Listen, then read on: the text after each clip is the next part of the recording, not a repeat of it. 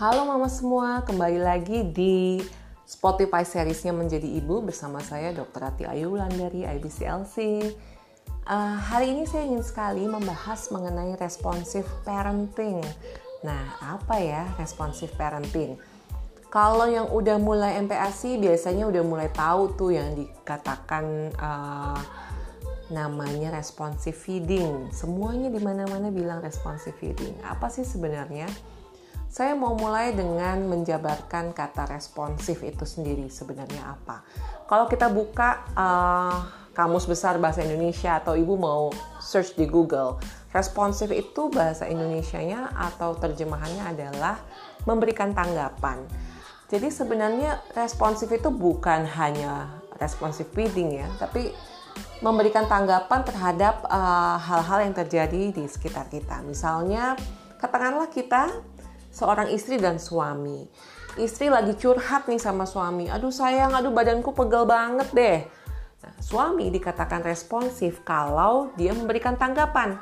Kamu kenapa sih kok pegel? Abis ngapain? Tadi abis gendong bayi ya seharian. Sini deh aku pijitin gitu. Itu artinya artinya suami ibu responsif. Suami nggak responsif kalau misalnya ibu bilang, aduh sayang aku pegel banget ya sakit-sakit dan dia cuman dengan handphonenya diem aja tanpa ada tanggapan. Nah, namanya tidak responsif. Kepada bayi kita juga perlu seperti itu, bukan cuma kepada orang-orang sekitar kita, kepada ibu, uh, kepada suami, kepada orang tua ya, tapi juga kepada bayi. Responsif kepada bayi itu seperti apa? Nah, si bayi, bayi itu kan belum bisa bicara, belum bisa mengemukakan pendapatnya dia. Dia hanya bisa mengemukakan keinginannya lewat tangisan. Jadi bayi itu uh, bilang enggak, enggak, enggak, enggak tahu caranya. Dia cuma bisa bilang uh, bisa bubbling ya, atau dia hanya bisa menangis kalau dia nggak nyaman, atau dengan mimik atau gesture tubuh kita tahu dia nggak nyaman, dia nggak suka.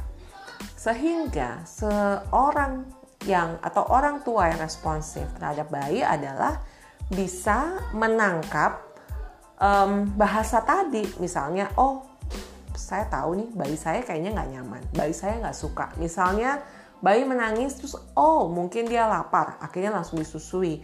Oh mungkin dia nggak nyaman ternyata ada pup ada pipis langsung diganti diapernya. Atau ternyata dia keringetan akhirnya mandi siang-siang. Itu adalah hal-hal yang responsif yang bisa dilakukan oleh orang tua di lain itu, apalagi misalnya bayi ditaruh ternyata nangis atau di tidur dibiarkan menangis-nangis, berarti dia kan nggak suka. Nah, kalau bayi itu nggak suka, kita harus bagaimana untuk meresponnya? Sesu um, merespon itu kan artinya kita mencari tahu uh, bagaimana supaya bayi suka lagi. Berarti misalnya kalau bayi lagi nangis di atas tempat tidur, kita diemin aja, kita angkat supaya dia berhenti menangis. Mungkin kita susuin, mungkin kita goyang-goyangkan gitu.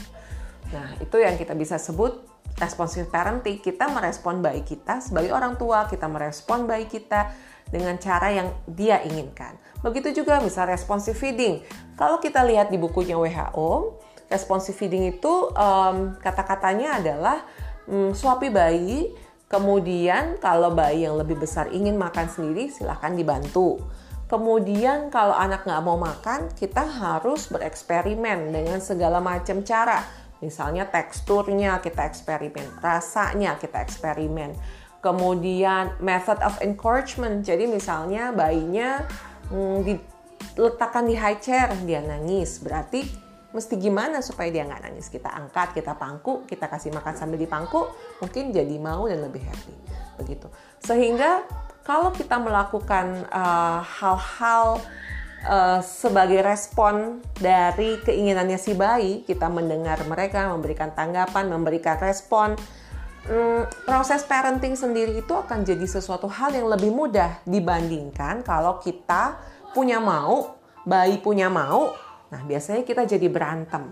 Misalnya, kita punya standard of procedure. Si bayi harus tidur jam berapa? Misalnya jam 9 malam, padahal bayinya masih mau main.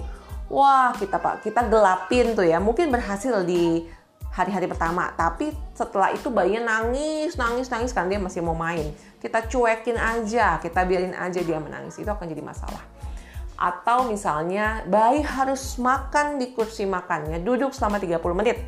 Didudukin, diikat, dikasih makanan. Bayinya nggak mau, meronta-ronta, keluar, keluar, ingin keluar dari, dari kursi makan Sementara no, kamu harus di situ supaya disiplin, supaya kamu makan. Akhirnya bayi kita jadikan robot dan kita tidak responsif terhadap, terhadap keinginannya bayi. Bukan artinya kita merespon terus mereka jadi manja loh mama, ya. Kita um, jangan khawatir ya bayi itu harus disayang.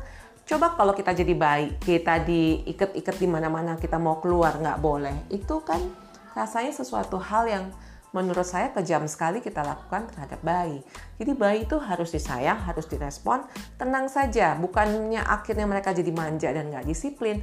Nantinya pada saat mereka sudah lebih besar, sudah toddler 2 tahun, 3 tahun, dan akal pikiran mereka dari segi kognitif, mereka sudah mulai bisa paham terhadap misalnya kedisiplinan ya. Itu mereka akan nggak akan seterusnya loh mereka duduk di pangku kita. Nggak akan seterusnya mereka manja ke kita.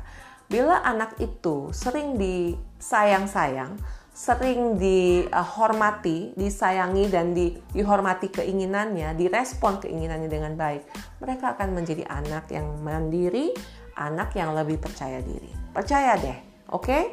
Segitu dulu um, Spotify series kali ini, segitu dulu pembahasan mengenai responsive parenting. Mudah-mudahan bisa diterima dan bisa dipraktekkan. Sampai ketemu di Spotify series berikutnya. Bye!